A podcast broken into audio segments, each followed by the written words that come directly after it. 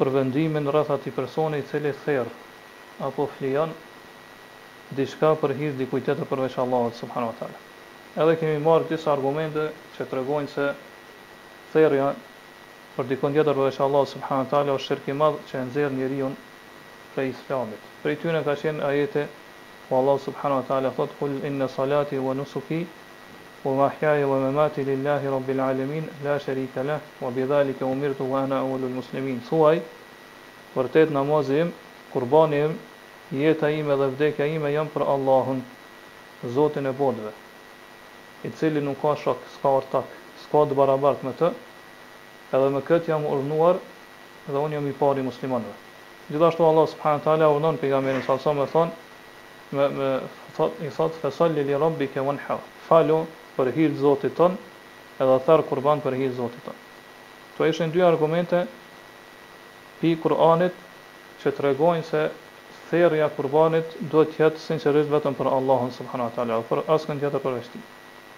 Kurse hadith, hadithin që e kemi marrë si argument për këtë është hadithi i Aliut radijallahu anhu i cili thotë, Haddathani Rasulullahi sallallahu alejhi wa sallame bi arba'i kalimat, thotë më ka më ka tregu pejgamberi sallallahu alejhi wa sallam katër fjali,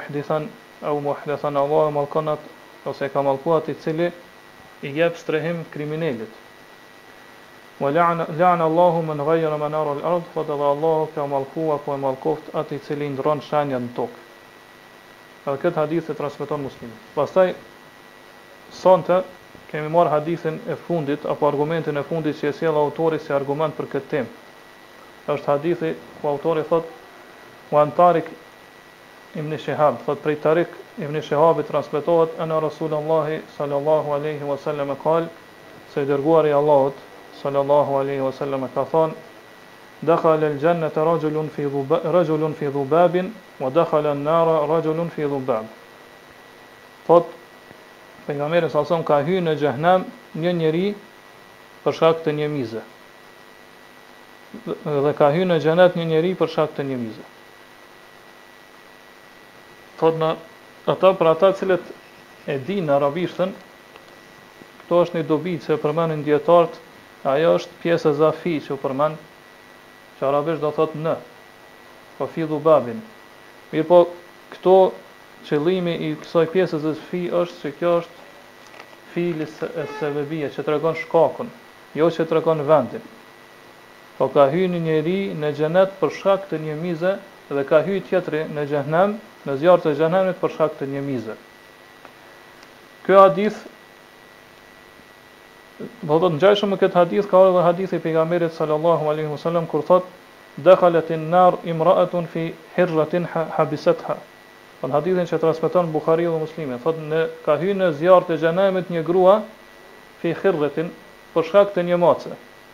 të cilën e ka ngujuar, po as thotë nuk e ka lënë me me me me nuk e ka lënë lirë me u ushqy prej insekteve tokës, e as nuk i ka dhënë vetë ushqim.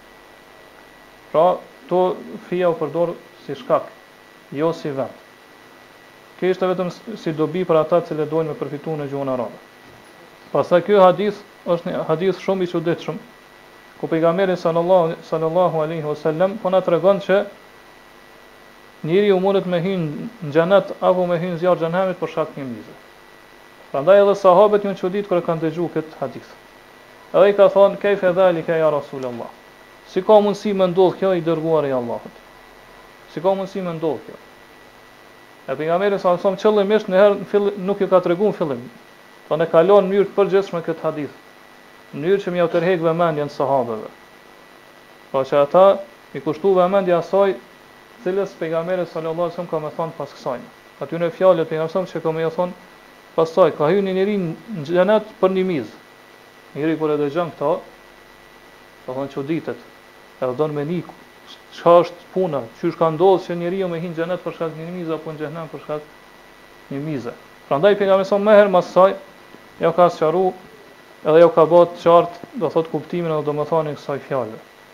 kësaj fjale. Edhe ka thënë pejgamberi sallallahu alaihi wasallam Marra rajulani ala qaumin lahum sanam. Dy njeri, dy njerëz i ka çu rruga pranë një populli, o popull, popull prej popujve të mëhershëm që kanë qenë para nesh, edhe para gjeneratës së pejgamberit sallallahu alaihi wasallam, të cilët e kanë pas një idhull,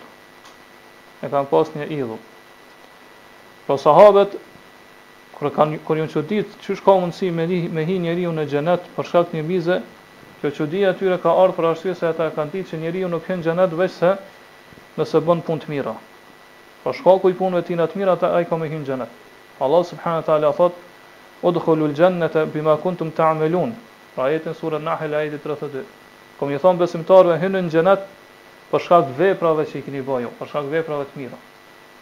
Po njeriu pa vepra të mira nuk mundet me hi në xhenet.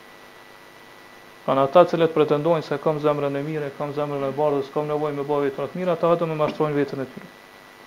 Pa bë vepra të mira njeriu nuk ka mundësi me hi në xhenet. Allahu thotë bima, për shkak të atyre punëve të mira që i keni bërë hini në xhenet. Po pa vepra të mira nuk ka xhenet. Gjithashtu sahabët e kanë ditë se Njeriu nuk hyn n'zjarr t'xhenemit përveçse për shkak të veprave të këqija.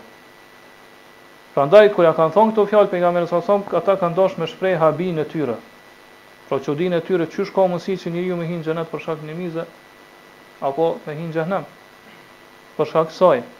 Edhe Pejgamberi sa sa ja u ka sqaru këto. Pra ju ka tregu që kjo punë të cilën ju po e nënçmoni kaq shumë, po këtë punë që ju po llogaritni si punë të vogël, Keni me pa tash se qysh kjo punë kaq e vogël shndërrohet edhe kalon në një punë shumë të madhe. Përmes së cilës njeriu ose e meriton xhenetin ose e meriton xhehenemin. Edhe këta dy, sipas gjitha gjasave, kanë qenë prej Benu Israilëve, pra prej pasuesve të Jakubit, të Israilit, Jakubit alejhisselam, pra prej jahudive.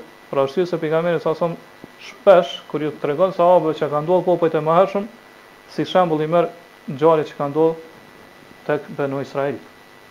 Edhe pejgamberi sa po i tregon thotë që dy burra i ka çu rruga pranë një populli të cilët kanë pas sanam. Sanam në gjuhën arabe përdoret për për statujën, për një idhull i cili ka imazh. Pse po e thom këto për arsye se në gjuhën arabe përdoren dy shprehje për gjëra që adhurohen n'vend të Allahut subhanahu wa taala. Njëra është sanam, që u përdor në këtë hadith, edhe tjetra është wathan. Sanam është një gjë e cila është gdhend në formë të një krijese, gjallese. Për shembull në formë të njeriu, në formë të një kafshe, e kështu me radhë, diçka që ka imazh, që ka pamje. Kurse wathan është diçka e cila adhurohet në vend të Allahut subhanahu teala pa pas formë t'caktume.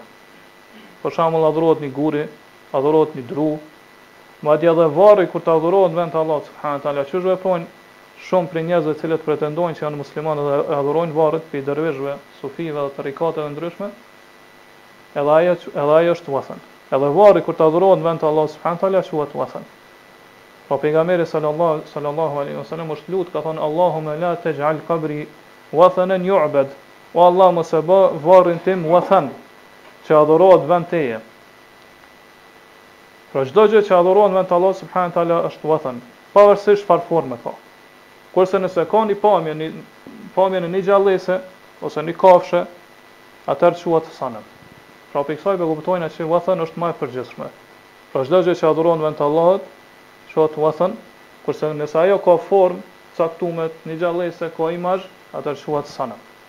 Kjo ishte vetëm sa për dobi që kur të lexoni Kur'an edhe i gjeni këto dy shprehje me ditë cila është kuptimi. Për shembull kur përdoret sanam ose shumësi ç'është asnam ose kur përdoret wathan edhe shumësi ç'është authan. Edhe po vazhdon pejgamberi sallallahu sallallahu alaihi wasallam po thotë këta kanë pas një sanam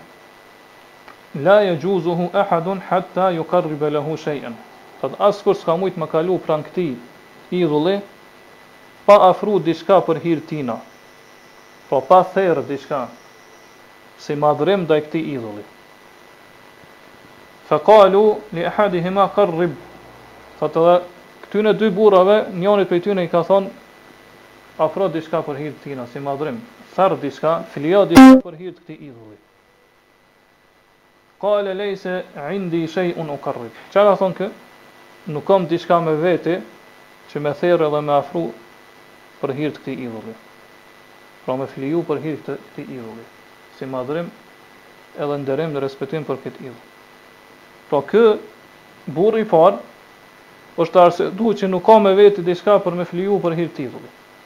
Nuk ka thonë ky që therja Për dikënd tjetër do përveç Allahut është shirk, edhe nuk lejohet. Edhe nuk ka thënë që kjo gjë është gjë e shëmtuar, është gjë e ndaluar, haram, nuk lejohet me bo. Mirëpo, çka ka thënë, unë nuk kam diçka me veti që me therë dhe me fliju për hir të këtë, këtij idhulli. Përndryshe, prej fjalëve të tina kuptohet se sikur të kish pas diçka me veti, atëherë ai kish therë, edhe kish fliju për hir të idhullit. Edhe çka i kanë thënë këta, populli i atij vendi,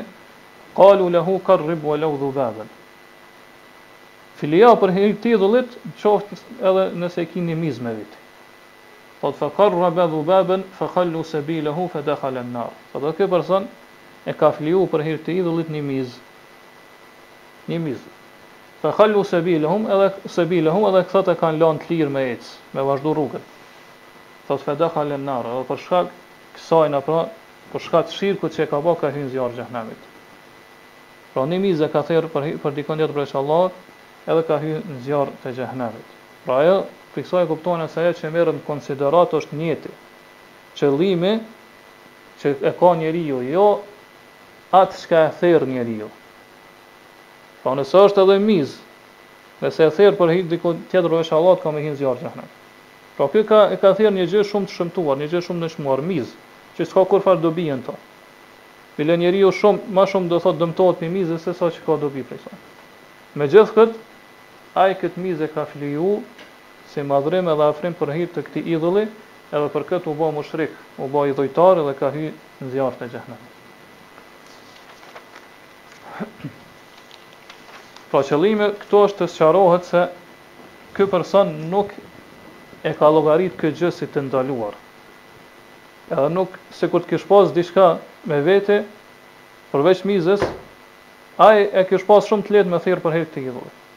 Pra që ai thjesht është arsyetuar që nuk ka me vete diçka për me therë për hir t'Tij. Për këtë arsye edhe ka hy në zjarr xhehenem. Pra këtu po e kuptojmë edhe ky hadith po e sqaron mëkatin, peshën e rëndë të shirkut. te Allahu subhane teala, që shirku vërtet ka është mëkati më i madh që njeriu mund me ia ba Allahut subhane teala, edhe nëse ti e bën këtë shirk me një gjë shumë të vogël, me një gjë shumë të ultë, shumë të nënçmuar. Ai i cili bën shirk ka me hy në zjarr të xhehenemit. Pra na po e shohim këtu se ky person për hir të këtij idhulli e ka therë edhe një një krijesë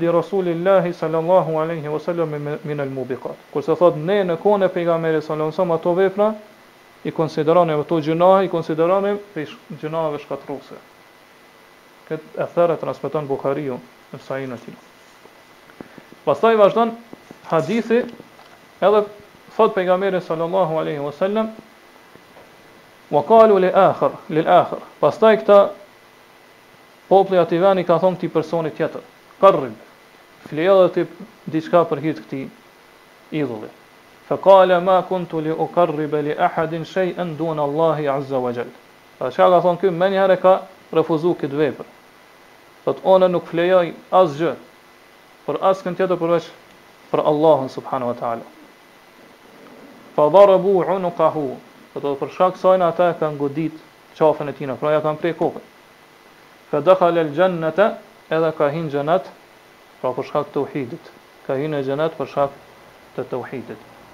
Autori thotë, këtë hadith e transmeton Ahmedi. Kur kur hasim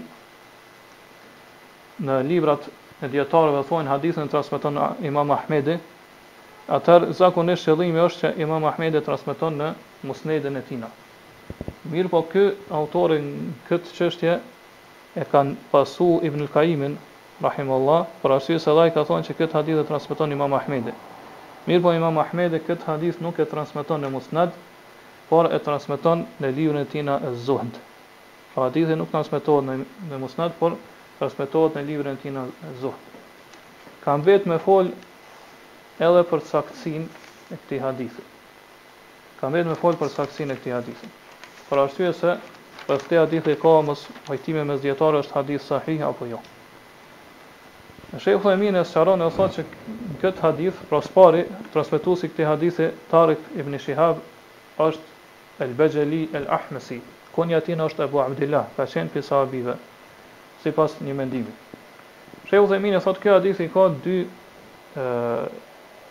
dy defekte. I pari thotë është që ky Tarik ibn Shihabi që e transmeton hadithin, gjithë dijetarët kanë pajtueshmëri që nuk ka dëgju prej Pejgamberit sallallahu alejhi wa sallam hadithin. Thotë kurse janë në kundërshtim pra dijetarët se a ka shoqru Pejgamberin sallallahu alejhi wa sallam apo jo. Pra a ka qenë shok i Pejgamberit sallallahu alejhi wa sallam apo jo. Shumica e dijetarëve janë të mendimit që ai ka qenë shok i Pejgamberit sallallahu alejhi wa sallam.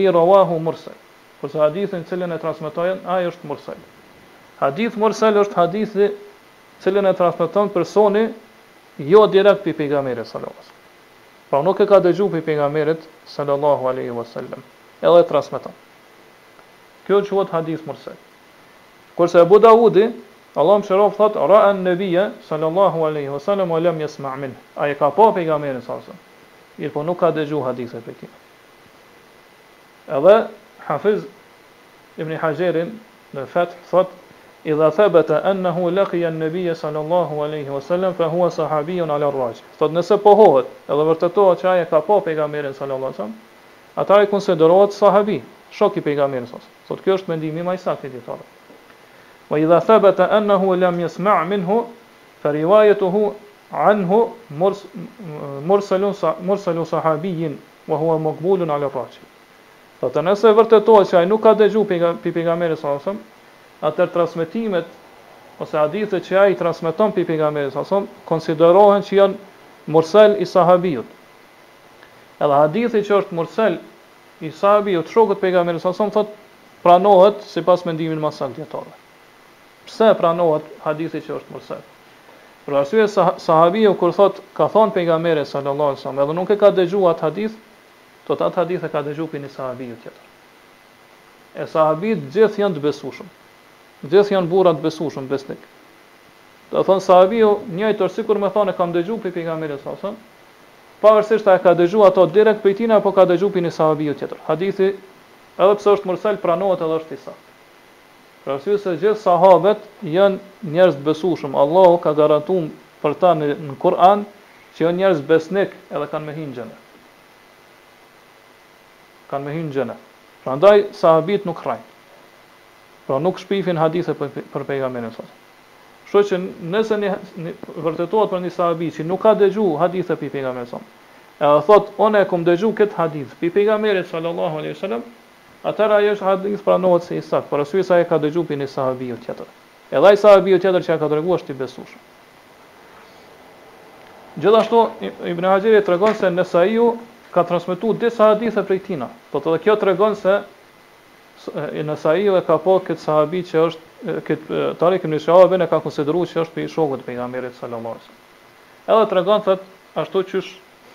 e thot në mënyrë të prerë Ibn Hibani, ky sahabi thot ka vdek në vitin tridhjetë e tre të Hixhrit. Mirpo, nëse vërteto, vërtetohet e kundërta, ose nëse supozohet që ky nuk ka nuk ka dëgju, nuk e ka pa pejgamberin sallallahu alaihi wasallam, atëra ai nuk llogaritet sahabi. Edhe përderisa nuk është sahabi, atë hadithi i tina është mursel, pra është mursel i tabiinëve, jo i sahabit. E murseli I gjeneral, brezit dytë mas sahabive, llogaritet prej haditheve dobëta. Llogaritet prej haditheve dobëta. Edhe pse disa dijetarë si Imam Shafiu, me disa kushte e pranojnë edhe murselin e tabiinëve. Për arsye se tabiini kur thotë direkt ka thënë pejgamberi sallallahu alejhi ve sellem pa e përmend hadithin, pa e përmend sahabiun, nuk i pranohet ai hadith. Duhet me tregu pi kujna e ka degju. Përndryshe s'pranohet, hadithi është i dobët.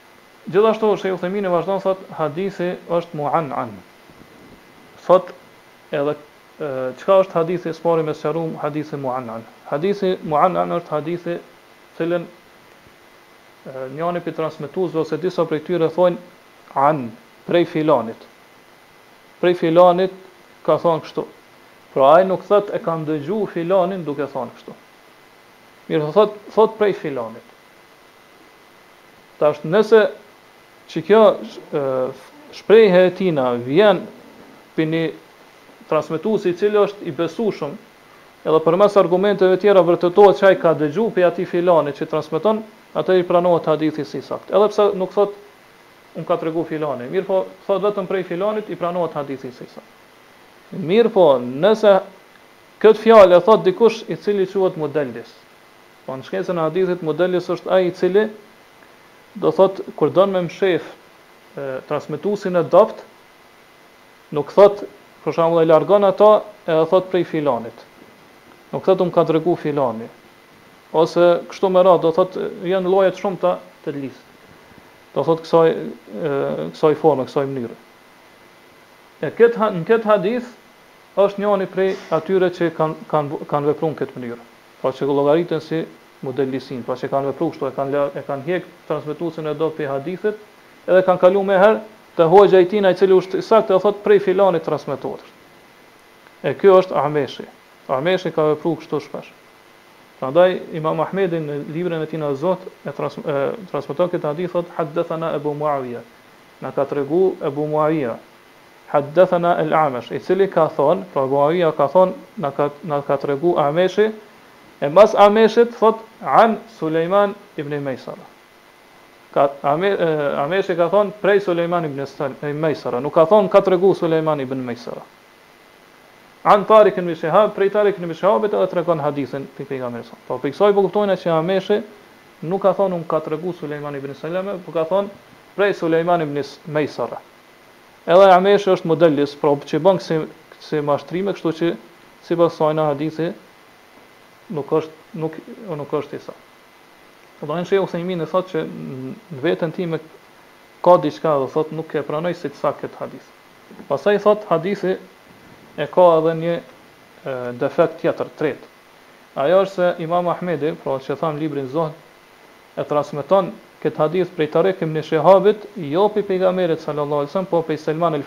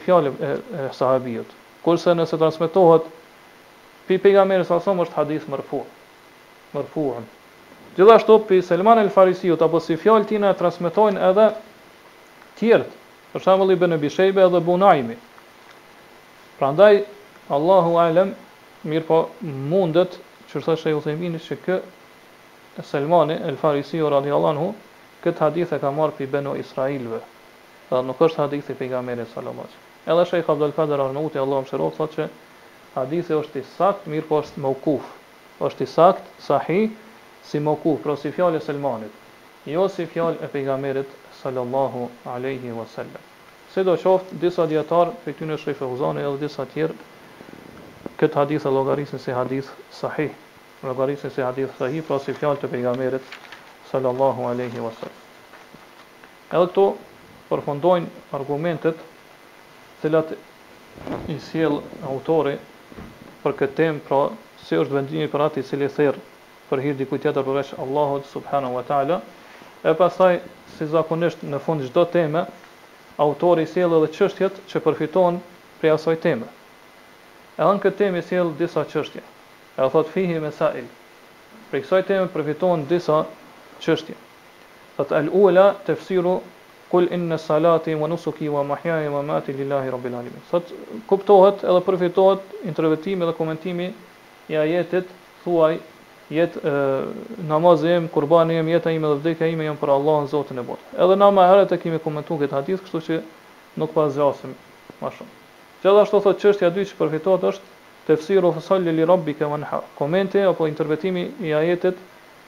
Therr, fal, falu për hir të Zotit tënd, edhe therr, vetëm për hir të Zotit tënd. Edhe gjithashtu edhe këtë hadith, këtë ajet e kemi komentu. Pastaj thotë e thalitha el beda'atu bi la'nati men dhabaha li ghayri Allah. Thot pejgamberi sallallahu sallallahu alaihi wasallam kur ka fillu mi numru gjynahet, mëkatet, thot spari ka fillu me mallkim ndaj atina që therr për hir dikujt tjetër përveç Allahut.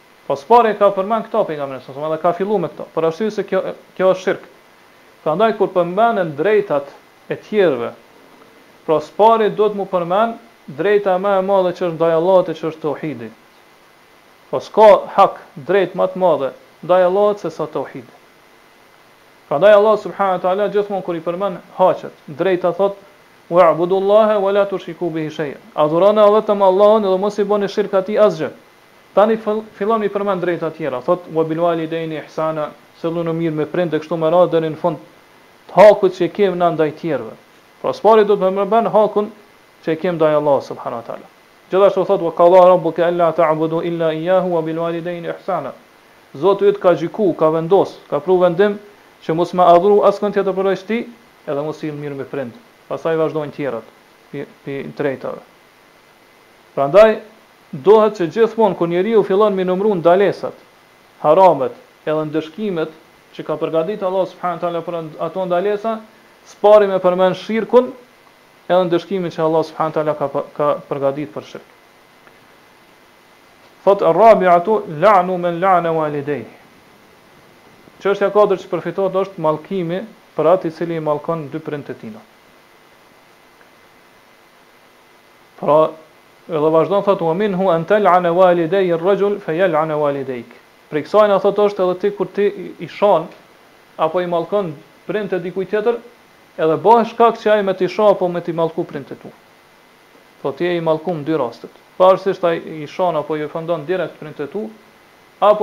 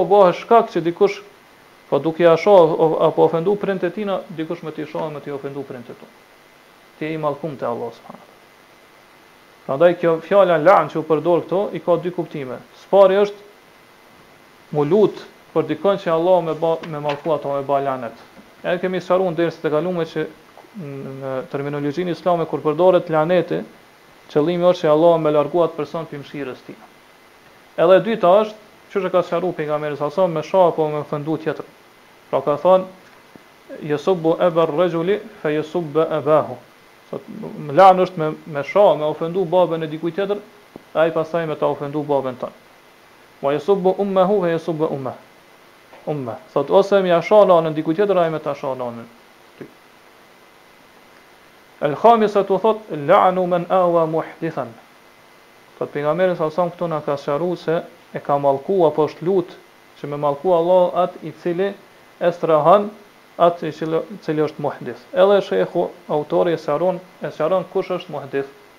Thotë: "Wa huwa ar-rajulu yuhdithu shay'an yajibu fihi hakku Allah", është ai i cili sjell diçka të re apo e bën një punë për të cilën e meriton ndëshkimin e Allahut subhanahu wa taala, masën ndëshkimore.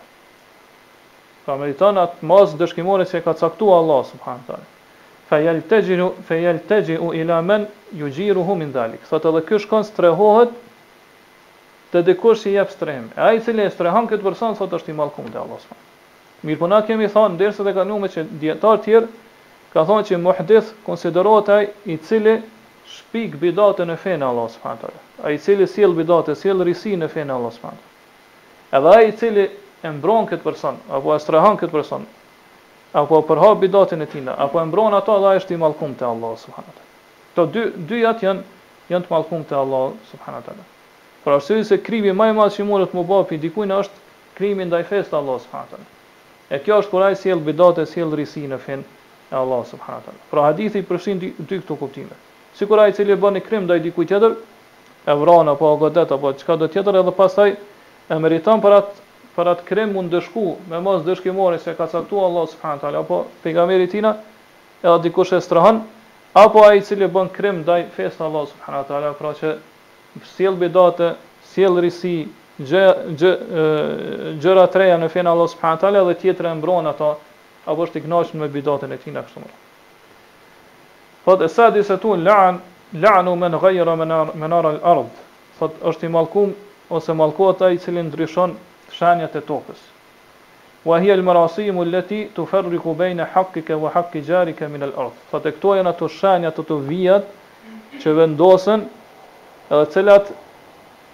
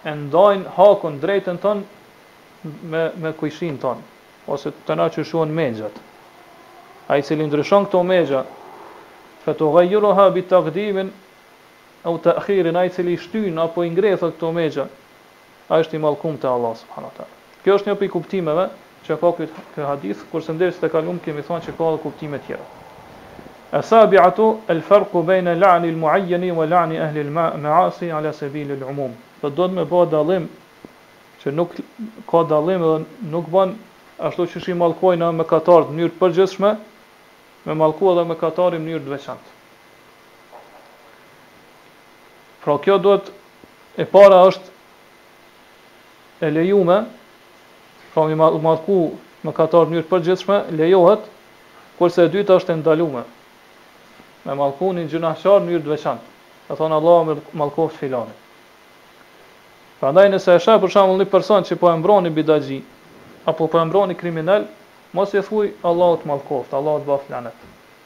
Mirëpo thuaj Allahu e mallkoftë ai i cili e mbron kriminelin, në mënyrë të përgjithshme.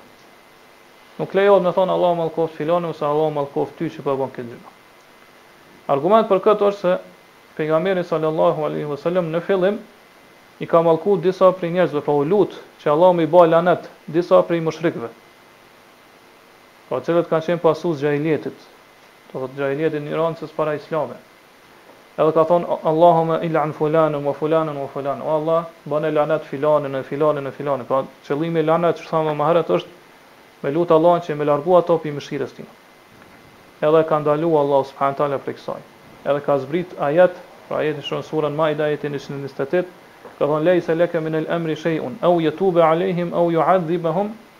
Fe innehum zalimun. Ti nuk ki asgjë në dorën tane prej çështjes. A ka me i ndëshku Allahu, a ka me ju pranu pendimin atyne apo ka me i ndëshku? Po me të vërtetë ata janë zullumqarë, mirëpo ti nuk ki kurrgjë në dorën tane. Nuk ban me thonë, O Allah bane lanet filanin filanin për arsye se atë personin e veçantë të cilin ti e mallkon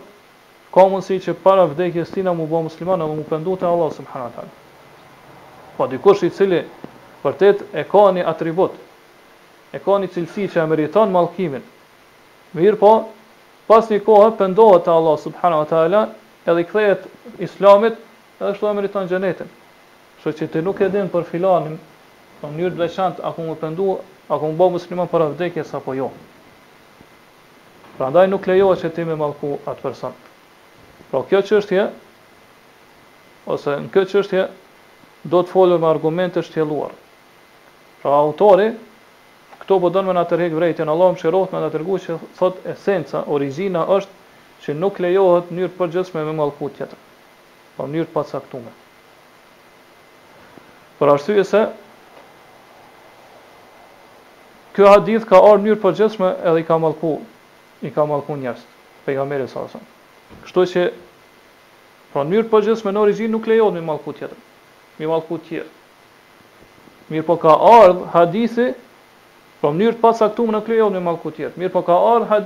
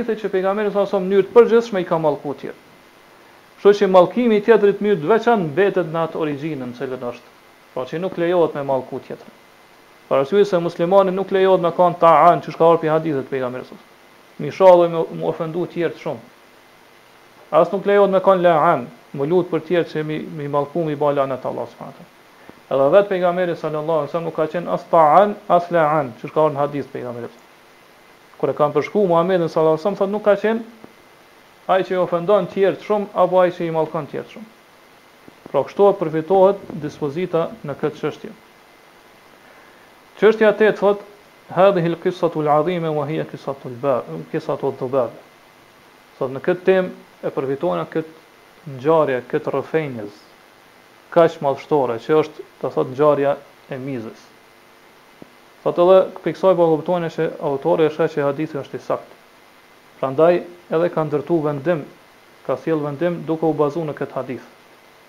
Dhe gjithmonë vendimi merret apo është degë e argumentit. Pra nëse ai është i saktë, atëherë edhe vendimi është i saktë. Nëse argumenti është i dobët, atëherë edhe vendimi është i dobët. Thot e tasi'atu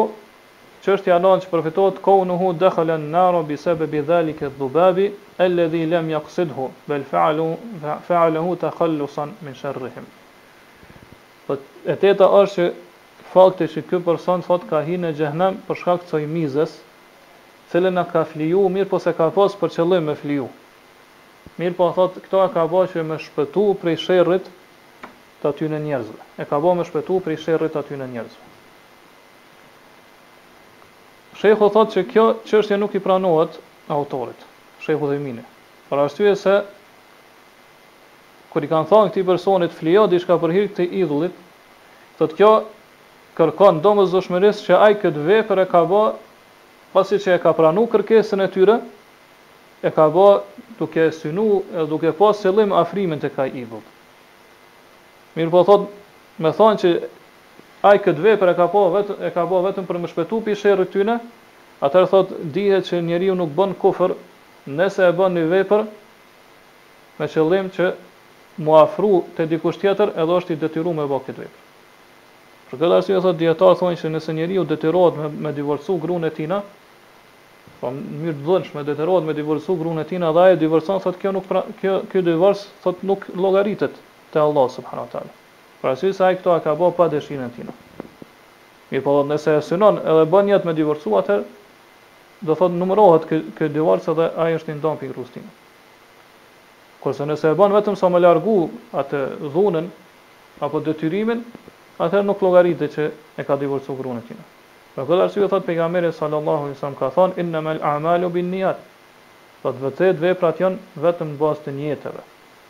Thotë edhe ajo që kuptohet dukshëm prej ngjarjes është se ky burri ka therr me njet të afrimit te Allahu sub te te ky idhulli, pra për hir dikujt tjetër përveç Allahut subhanahu wa taala.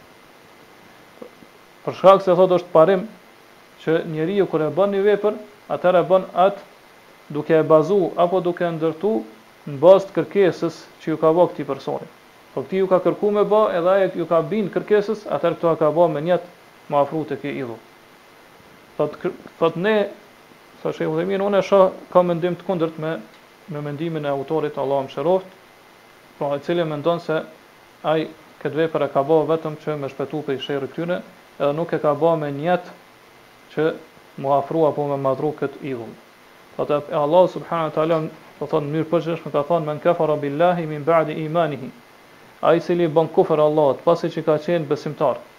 Illa men ukriha, përveç atij i cili detyrohet me dhunë, wa kalbuhu mutmainnun bil iman, kurse zemra e tina është e qetë në iman, wa lakin men sharaha bil kufri sadran, mirëpo qafir llogaritet ai i cili ja hap zemrën e tina kufrit, jobesimtarit. Kurse nëse detyrohet me thon fjalën e kufrit ose me ba veprën e kufrit, ky s'llogaritet si qafir.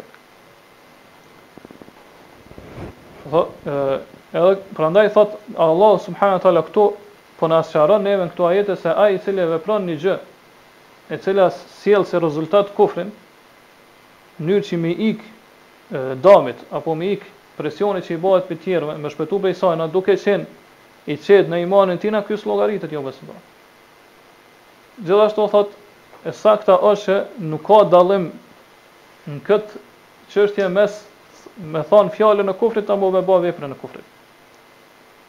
Por nëse ti detyrohesh me ba ni me thon ni fjalë të kufrit apo me ba ni vepër të kufrit, kurse zemrën e ki plot iman, e ki të bindur me iman, edhe këta e thu ose e bën këtë vepër me qëllim që me shpëtu sherrit të tjerëve, ti s'llogaritesh si qafir e si jobesimtar. Edhe pse thotë disa dietar kanë bë dallim. Edhe kanë thënë që njeriu lejohet vetëm me thënë fjalën e kufrit, jo me ba veprën e kufrit. Edhe thotë kanë argumentu me këtë ngjarjen e mizës. Mirëpo thotë, kjo hadithi që flet për këtë për këta dy persona, thotë s'pari duhet të shqyrtohet edhe studiohet, hulumtohet mirë a është i saktë apo jo. Gjithashtu thotë duhet shqyrtohet dhe studiohet kuptimi edhe domethënia e tina, çka nënkupton ky hadith. Për arsye se thotë, na ma herët e sqaruam se vepra e cila është e bazume e ndërtume mbi një kërkesë që të bahet ty, edhe ti e vepron atë vepër në përputhje me kërkesën, me urdhnin që t'u ka dhënë ty, atëherë thotë ti llogaritesh që e ke ba atë me qëllim, llogaritesh që e ke ba atë me njet edhe e ke synu atë vepër. Edhe nëse thotë supozojna që ky personi e ka fliju këtë mizë, në mënyrë që mu shpëtu pi sherrit këtyre njerëzve, atëherë thotë na kena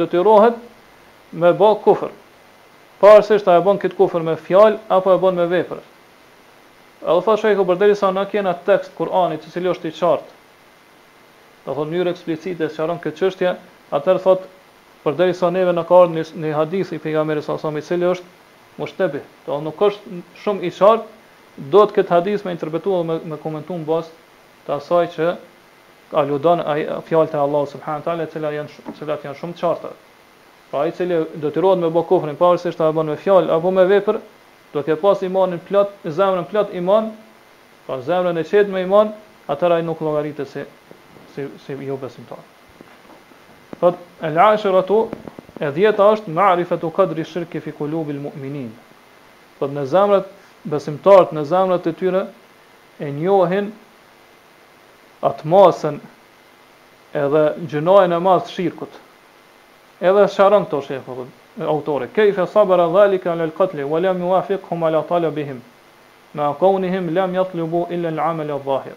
Thotë, kjo kuptohet se si ky person, thotë, ka bo sabër edhe ka duru me e mbyt këta, po me kap, me lidh dhe pastaj me ia prek kokën. Thotë, edhe me gjithë këtë, thotë, nuk ju ka, nuk u pajtu me, me kërkesën e tyre, s'e ka pranu, s'e ka përmbush atë kërkesë që ata e kanë bo, e kanë lyp prej tina. Edhe pse thotë ata pi tina kanë lyp vetëm një vepër t'jashtme. Pra s'kanë lyp që ky me e ba atë vepër edhe me zemër. Pra kështu e sqaron shejhu se si besimtari do thotë e e njeh edhe tauhidi ka pozitë nalt n'zemrën e tina kurse e njeh gjithashtu edhe shëmtinë edhe gjynahun e madh shirkun. Edhe shejhu Uthejmini këtu thotë këtu jep një çështje tjetër. A është ma parsore për njeriun i cili detyrohet me thanë kufrin, me ba sabër edhe mu vra, apo mu pajtu me mënyrë t'jashtme, pra me gjymtyrë të jashtme jo me me zemrën e tina. Thotë kjo çështje duhet t'shtjellohet. E para thotë nëse njeriu pajtohet me me zemrën e tina dhe me gjymtyrë të jashtme kjo nuk lejohet. Për arsye se është kufër dhe është ridde, dalë prej fesë s'Allahut subhanahu teala. E dyta thotë është mu pajtu vetëm me të jashtmen, jo me të mbrenshmen e tina. Pra vetëm me gjuhë apo me vepër, jo me zemër. Edhe thotë qëllimi i tina është me shpëtu pi sherrit të atyne njerëzve. Apo me shpëtu pi këtij detyrimi. Thotë kjo lejohet. Edhe treta thotë është mos mu pajtu as me të mbrenshmen, as me të jashtmen e tina. Pra as me zemër, as me gjymtyrë të jashtme. Edhe nëse vrahet. Thotë edhe kjo lejohet. Edhe kjo llogaritet pi sabrit, pi durimit për hir të Allahut subhanahu wa taala. Mirëpo cila është ma parësore? Cila cilës duhet mi kushtu besimtari përparësi, mi dha përparësi ma shumë? Thotë edhe kjo çështje duhet t'shtjellohet. Thotë nëse pajtushmëria e tina, pra kur pajtohet me detyrimin, nuk rezulton n'diçka që është e dëmshme, për fenë tek masat e përgjithshme, atëherë ma mirë thotë për këtë person është që mu pajtu n'mënyrën me me pjesën e jashtme jo me me të brendshmën e tina. Sidomos thotë nëse në ekzistencën e tina apo me mbet ai ende gjallë ka dobi për musliman atëherë kjo është ma parësore me vepru kështu. Për shembull thotë një njeri i cili ka pasuri të madhe edhe jep për hir të Allahut shumë apo një person i cili ka dije ka dije dobishme edhe i mëson tjerët. Domethënë gjat shumë këtë. Madje shejhu thotë edhe nëse nuk ka dobi hiç, mirëpo thotë vetë fakti që njeriu po vazhdon me jetu, besimtari, po vazhdon me jetu me, në islam, atëherë thotë kjo është ma hajr, pra është se kjo ka me shtu vepra të mira, ka me shtu adhurim ma shumë të Allahut subhanahu wa taala. Edhe thotë Allahu e ka pru, e ka pru lehtësimin, që në këtë rast lejohet me thonë kufrin, ose me bo kufrin me t'jashtmen jo me t'mrendshmen. Pra ma mirë thotë është n'këtë rast me vepru në këtë mënyrë. Mirëpo thotë nëse pajtohet ai, nëse ai kur pajtohet me detyrimin edhe, edhe nuk bën sabër, me këtë dëmtohet islami, atër ai duhet me bo sabër, edhe e ka obligim me bo sabër. Po kjo është tjetër, tjetër rast. Kur ai pajtohet me detyrimin, pajtohet me bo kufrin me pjesë të jashtme është fjala, jo me t'mrendshme, me zemër kurrsesi nuk lejohet.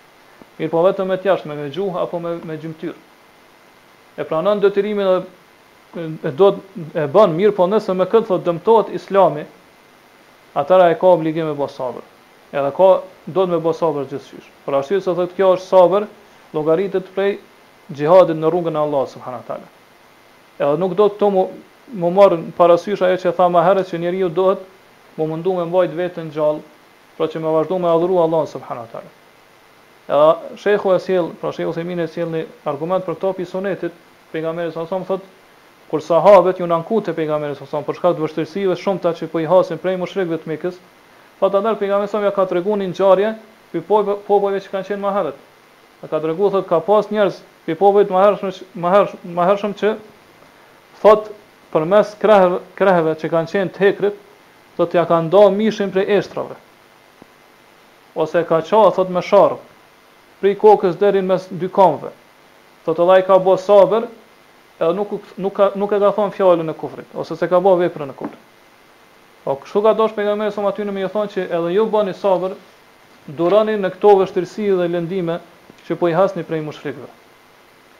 Prandaj shejhu e-selam thotë sikur të kish ndodhë prej sahabive që n'atë kohë u pajtu me detyrimin që ja kanë bo mushrikët duke qenë pak pakicë atëherë thotë kështu ish dëmtu shumë islami pra kish bo dëm të madh për islamin prandaj edhe gjithashtu e sjell edhe një ngjarje tjetër prej imam ahmedit thotë kur u sprovu është sprova e njohur që i ka sprovu halifja i asaj kohe që i ka detyru detyru njerëzit me thon me thon që kurani është i krijum thotë sikur t'ish pajtu imam ahmedi me detyrimin që ja ka bo halifja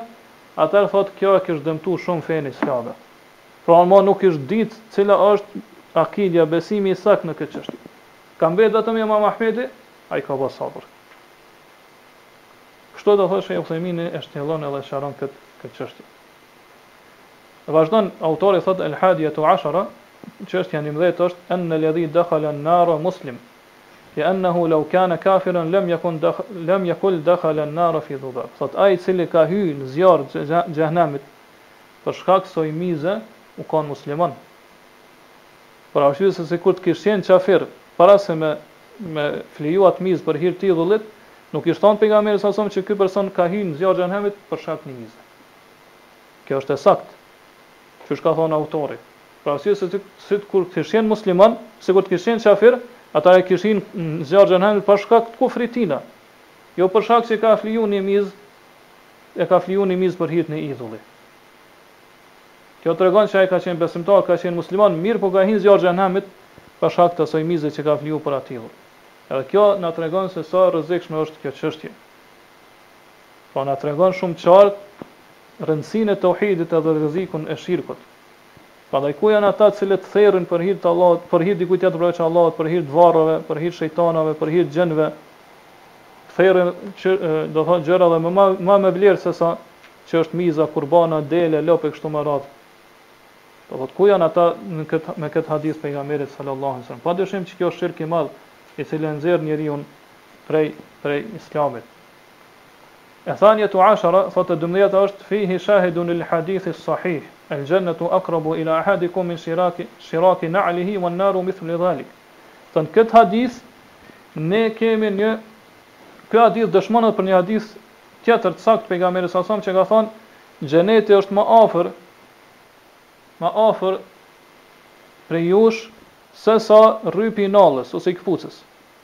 Gjithashtu thotë edhe zjarri i xhehenemit. Këtë hadith e transmetojnë Imam Ahmedi dhe tjerët, po Imam Tirmidhiu, Nesaiu e kështu me radhë, edhe Ibni Maxhe. Pra qëllimi prej kësaj, prej këtij hadithi të pejgamberit sallallahu alajhi wasallam është që njerin me inkuraju edhe me dekuraju. Do thotë me nxit edhe me frikësu. Pra nëse njeriu e din që xheneti është më afër tina se sa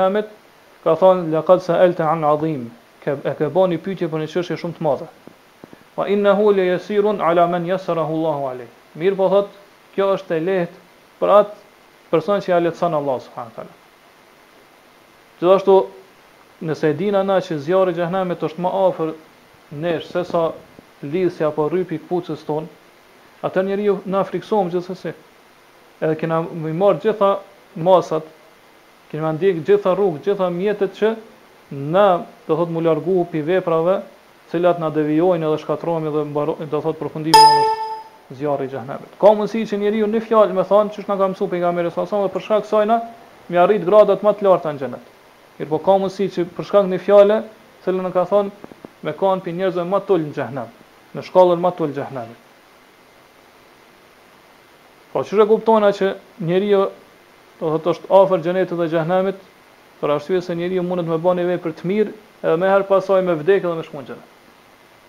Qysh ka vepru ky sahabiu që nuk ka ky personi në hadith që nuk ka pranu me therr për hir dikujt për hir dikujt tjetër përveç Allahut subhanahu wa taala e kan vra edhe ai ka përfundu në xhenet. Mirëpo ka mundësi me ba një vepër të keqe një një gjynah apo një një mëkat apo një shirk një kufër edhe me vdek meherë pas saj edhe me përfundu në xhehenem. Prandaj këtu gjithashtu tërhiqet vërejtja që mëshira e Allahut edhe falja e Allahut është shumë e madhe, mirëpo gjithashtu edhe ndëshkimi i tij është shumë i ashpër. Gjithashtu në këtë hadith na përfitojnë që veprat janë sipas përfundimit. Pra njeri mundet me bo tanë jetën vepra të mira, mirëpo përfundimin pas të keq. Qysh na ka msu pejgamberi, gjithashtu mundet me krejt jetën me pas mbushur me vepra të këqija, mirëpo pak para vdekjes pendohet dhe me pas përfundimin e mirë. Kështu që njeriu vazhdimisht duhet mu mundu me u përqendru në këtë fe, në këtë rrugë të Allahut subhanahu wa taala, deri në momentet e fundit, në mënyrë që me ardh edhe vdekja duke qenë në adhurim ndaj Allahut subhanahu wa taala.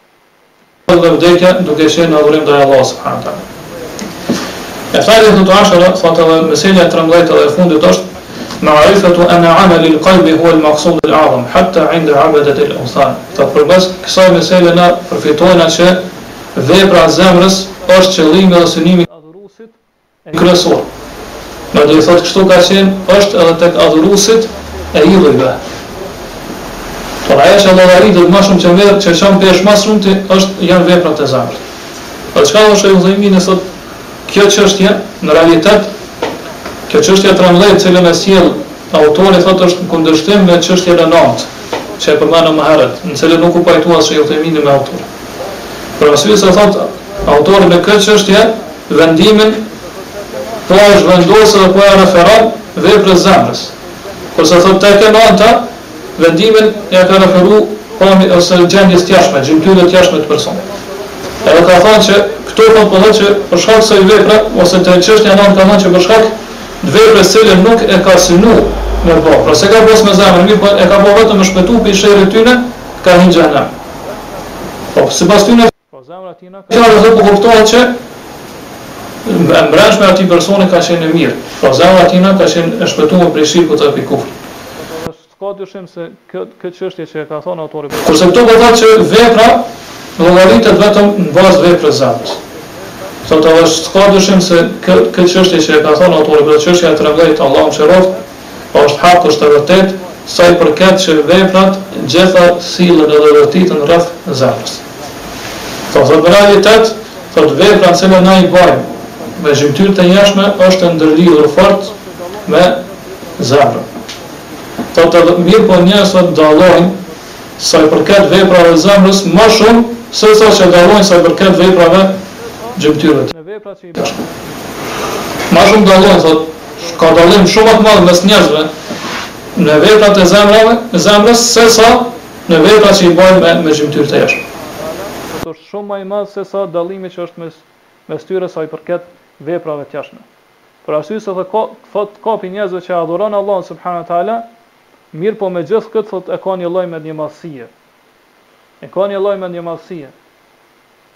Për shkak të cilit thotë nuk i përulet plotësisht Allahut subhanahu wa ta'ala.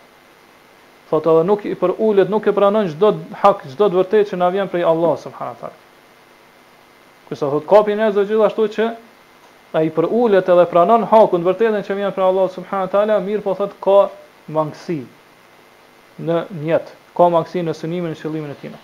Prandaj thotë te këta njerëz e gjen atë që ka një lloj rijaje, një lloj syfaqësie në veprat e tij. Pra thotë veprat e zemrës, po ashtu edhe fjalët e zemrës kanë rëndësi shumë të madhe. Pra duhet me i kushtu rëndësi më të madhe se sa veprave të jashtme. Prandaj njeriu thotë duhet që t'gjitha veprat e zemrës, po edhe fjalët e zemrës t'i thotë t'i bëjë sinqerisht vetëm për Allahun subhanahu wa taala. Po thotë vepra, fjalët e zemrës janë fjalët do qëllimi janë çështjet e besimit, e itikadit, Qysh është me besu Allahun, melaiqet e tina, librat, të derguarit e Tij, ditën e fundit, kaderin, të mirën dhe të keqen e tina kështu me radhë. Kurse thot veprat e zemrës janë lvizjet e saj, qysh është dashuria, frika, po me dashtë Allahun subhanahu teala mas shumti, me friksu Allahun subhanahu teala mas shumti, shpresa me shpresu vetëm në Allahun subhanahu teala, mbështetja në Allahun, me kërku ndihmë, Edhe gjëra të ngjashme me këto. Thotë qysh e arrin njeriu me shëru zemrën e tina, thotë përmes Kur'anit edhe Sunetit, duke lexu Kur'anin dhe Sunetin e Pejgamberit sa sa. Edhe gjithashtu thotë duke iu kthy sirës Pejgamberit sallallahu alejhi ve sellem. Duke lexu rreth gjendjes tina, fjalëve tina, xhihadit që ka bo Pejgamberi sallallahu alejhi ve sellem, davetit tina kështu me radhë. Thotë kjo e ndihmon njeriun shumë që me luftu zemrën e tina. Thotë e prej shkaqeve që e përmisojnë zemrën është që njeriu mos me angazhu zemrën tina me dunja mirëpo me angazhu zemrën e tina me ahiret gjithashtu në këtë hadith përfitohet edhe një dobi tjetër që s'e përmend autori po e përmend dijetar përmendin dijetar tjerë ajo është se lejohet me tregu lajme mes në do thot me me tregu lajme dhe ngjarje popujve të mëhershëm thot nëse përmes kësajna arrihet këshillimi Edhe do thotë me marrë mësim. Nuk ka të keqe, do është është e lejume me tregu ngjarjet e popujve të mëhershëm. Ne edhe mbetëm pa e përmend edhe një meselë, ndoshta pak po zgjatet, mirëpo po po e marrëm që do thotë dersin e ardhshëm me fillu më herë me me temën tjetër, për arsye se ka ka qenë një kohë e gjatë që s'kena marrë mësime në librin e Tauhidit. Do thotë meselja është që si argumentohet përmes këtij hadithi të fundit që na vetëm folëm rreth saj pak që me therë për hir dikujt tjetër përveç Allah subhanahu wa taala njeriu bon kufër. E para është se për ky person i cili ka fliju për këtë idhull ka qenë do thot musliman, Po qysh është sqaruar më herët. Edhe ai ka hyrë në zjarr të xhennemit për shkak të veprës tina. Po për shkak se ka therë dhe ka fliju në mënyrë që me madhru edhe m'u afru te ai idhull. Edhe kjo, për, do, kjo tregon se me therë për hir dikujt tjetër, përveç Allahut shirk i madh. Është shirk i madh.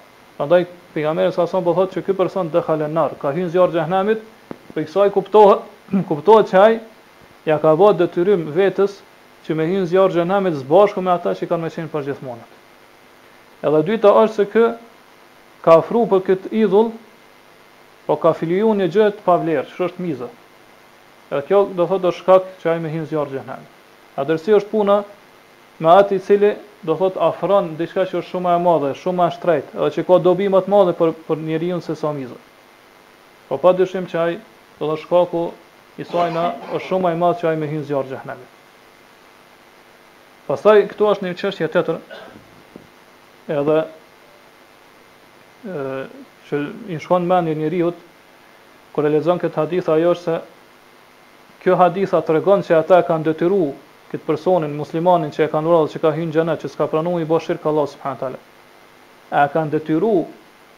do thotë me me therë me me therë atë mizë për atë idhullin apo nuk e kanë detyru. Po nëse fjalë kuptimi i dukshëm i hadithit pejgamberit sallallahu alaihi wasallam tregon se ata nuk e kanë detyru. Ata nuk e kanë detyru. Pasi se pejgamberi sallallahu alaihi wasallam thot la yajuzuhu ahad. Askush nuk ka mujt me kalu at idhull pa afru diçka Pa therë pa fliju diçka për atë idhull. Kjo tregon se ata nuk e kanë leju askënd me tejkalu atë idhull, pra përmes asoj rruge që ka kalu, pra idhulli ka qenë afër rrugës, përveç nëse therr apo flijon diçka për hir të atij idhulli. Dhe kjo na tregon që ata kanë detyru. Pra ata ka mundësi që thotë ose therr edhe kalo, ose mos therr edhe ktheu. Po kështu kuptohet prej hadithit të pejgamberit sallallahu alaihi wasallam. Edhe njeriu thotë, unë, ani pra, po du m'u kthy dhe nuk po du me, me fliju për hir këtij idhulli, edhe kështu thotë shpëton prej, prej të keqes apo e, e, detyrimit të atyne person, personave. Thotë edhe kjo tregon se, qysh e sqaruam më herët që detyrimi me vepër nuk ka ndodhë prej këtyne personave.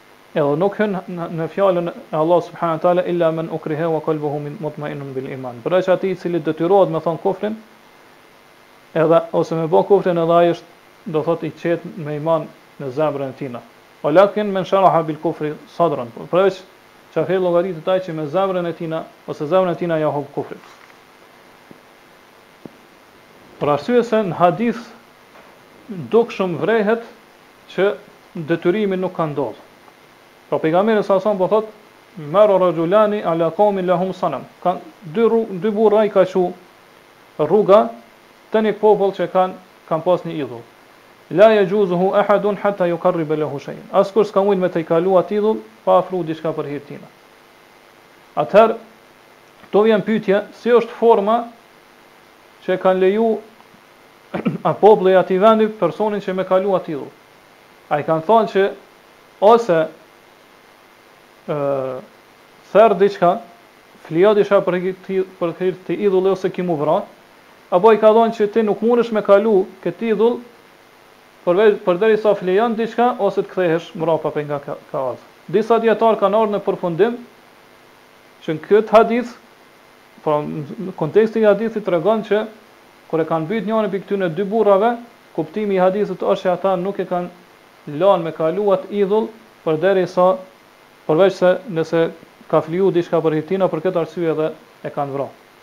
Thotë kjo kuptohet prej kontekstit të këtij hadithi. Për këtë arsye kanë thënë që ka lind këtu një problem tjetër, ka thënë qysh ka mundësi hadithi me kanë mu kuptu këtë mënyrë e pastaj me thanë pejgamberi sallallahu alejhi wasallam që ky person ka hyrë në zjarr të xhehenemit, kurse ka qenë i detyrum, kurse na e dina që prej parimeve madhështore të këtij Islami që e sqarum shumë herë deri tash, që njeriu nëse është i detyrum me bo kufrin nuk llogaritet qafir. Edhe Shejh Salih Ali Shejh Allahu e rujt thot, përgjigja ndaj këtij problemi është që ky ky hadith, pra sipas këtij mendimi, pra këtij mendimi të dytë, edhe fakti që Ë, pra qysh kuptohet prej këtij mendimi të dytë që njeriu nuk arsyetohet me detyrimin e tina edhe nëse vrahet, kjo ka qenë për popujt që kanë qenë më herët. Pra popujt, ligjet që i ka zbritë Allahu subhanahu teala te popujt më herët, ata do thotë nuk e kanë pas të lejume me thanë fjalën e kufrit apo me ba veprën e kufrit edhe nëse jon kërcënu me vdekje apo jon kërcënu me tortura të mëdha. Thotë kurse largimi i detyrimit apo lejimi që me thanë fjalën e kufrit në këtë gjendje, duke e pas zemrën me iman, të mbushur me iman apo të qetë me iman, thotë kjo është e veçantë edhe lehtësim vetëm për ummetin tonë. Pra nuk ka qenë më herët për për ummetet e mëhershme. Thotë kështu i janë përgjigj disa dijetarë këtij problemi. Mirëpo thotë nëse themi që hadithi nuk aludon këta, mirëpo na aludon mendimin e parë që e përmenëm, Ajo është se konteksti i hadithit tregon se ata, do thotë, nuk e kanë kërcënu, nuk ka diçka në hadith që përcakton që ata e kanë kërcënu me vdekje. Nuk ka në hadith që e përcakton që ata e kanë kërcënu me vdekje. Pra hadithi ka ardhur në mënyrë të papërcaktuar, në mënyrë të pakufizuar, në mënyrë të përgjithshme. Kështu që nuk mundëm na që hadithin me interpretu përderisa ka ardhur në mënyrë të papërcaktuar me me thanë që hadithi përcakton që ata kanë kërcënu me vdekje. Nuk ka kështu. Atëherë qysh me iu përgjigj, kur kanë thënë fe dharabu unukahu, ja kanë këput kokën atina? Përgjigja është se këtu nuk ka problem fare, edhe nuk e kundërshton këtë mendimin e parë dijetarëve, për arsye se ata nuk e kanë vra ata pse nuk ka fliju diçka për hir të idhullit, mirëpo e kanë vra për shkak se, do thotë, ai i ka nënçmu dhe i ka i ka fy, i ka ofendu idhullin e tyre, edhe ka thënë, ma kuntu liuqarribu li shej li ahadin shej'en dun Allah. Thotë, Unë kurrë nuk therr e nuk flijoj për hir dikujt tjetër përveç Allahut. Edhe këtë e kanë llogaritë si fyrje, si ofendim ndaj idhullit të tyre, edhe për këtë arsye e kanë vrarë ata. Për këtë arsye, disa dijetarë kanë thënë që hadithi, do të thotë, mundet me kriju probleme, mirëpo ky hadith nuk është problematik fare, elhamdulilah, mirëpo interpretohet që, ose interpretohet që ata e kanë vrarë ata, nëse themi sipas mendimit të dytë, që ata e kanë detyruar me ba fjalën e kufrit, Atëherë themi që po tek popujt më të hershëm nuk e kanë pas të lejume me bo kufër edhe nëse detyrohen, kurse për neve kjo është e lejume, pra është e veçantë për umetin tonë dhe na ka leju Allahu subhana wa taala, ose hadithi interpretohet që ata nuk e kanë kërcënu me vdekje fare, s'e kanë kërcënu me vrasje fare. Kur ka dashtë ai me me kalu nëpër atë udhën, nëpër atë rrugën ku ka qenë idhulli. Mirëpo e kanë vra për shkak se ai